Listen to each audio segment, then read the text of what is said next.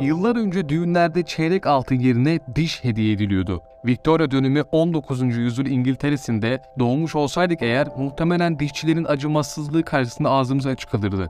Çünkü Victoria döneminde yaşayan insanlar arasında tuhaf ve utanç verici bir gelenek vardı. Bu gelenek kadınların düğün günlerinde veya doğum günü kutlamalarında dişlerini çektirmek geleneğiydi. Bu dişler onlara bir hediye olarak verilirdi. Ama neden başka bir şey değildi diş hediye ediyorlardı hiç düşündünüz mü? Çünkü dişlerin sonunda çürüyeceğine inandıkları için diş maliyetlerinden tasarruf etmek amacıyla gelecekte kullanmak için insanlara bu dişlerden yapılmış takma diş vermek düşünceli bir hareketti.